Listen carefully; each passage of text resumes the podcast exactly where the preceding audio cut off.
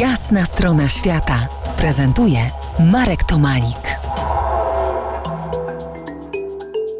Dzień dobry, Jakubie. Dzień dobry, Marku. Po jasnej stronie świata Jakub Krzeszowski, promotor i menedżer, twórca projektu Jazz po polsku, człowiek, który zajmuje się marketingiem kultury. Czym de facto jest y, projekt Jazz po polsku? Jak długo trwa i, i jak się ma? Jazz po polsku to projekt, który prezentuje polską muzykę z pogranicza jazzu i awangardy.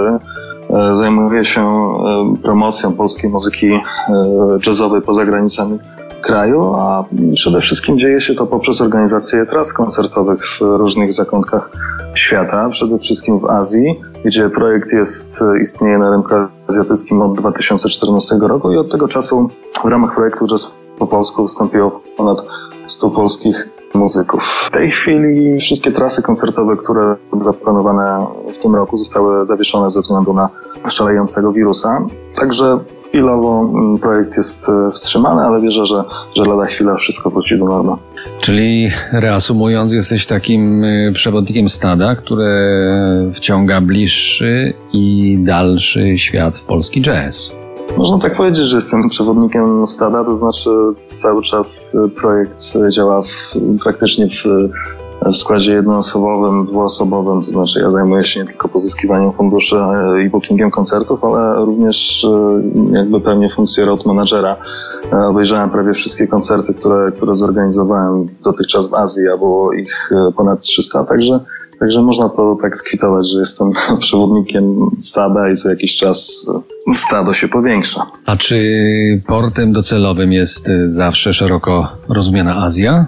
Rozpocząłem organizację mm, koncertów od, od udziału w festiwalach w Europie, natomiast e, po, po dwóch latach e, tak naprawdę to się zbiegło z moją pierwszą wizytą w Chinach w zespole. Stwierdziłem, że rynek azjatycki a wtedy chiński tak naprawdę jest, jest tym rynkiem, który chciałbym bardziej eksplorować.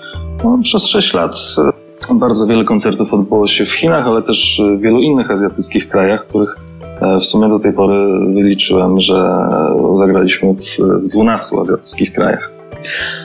To proszę wymień te najważniejsze zdobyte przez, przez Ciebie, czy przez, przez Was, przez polski jazz y, przyczółki.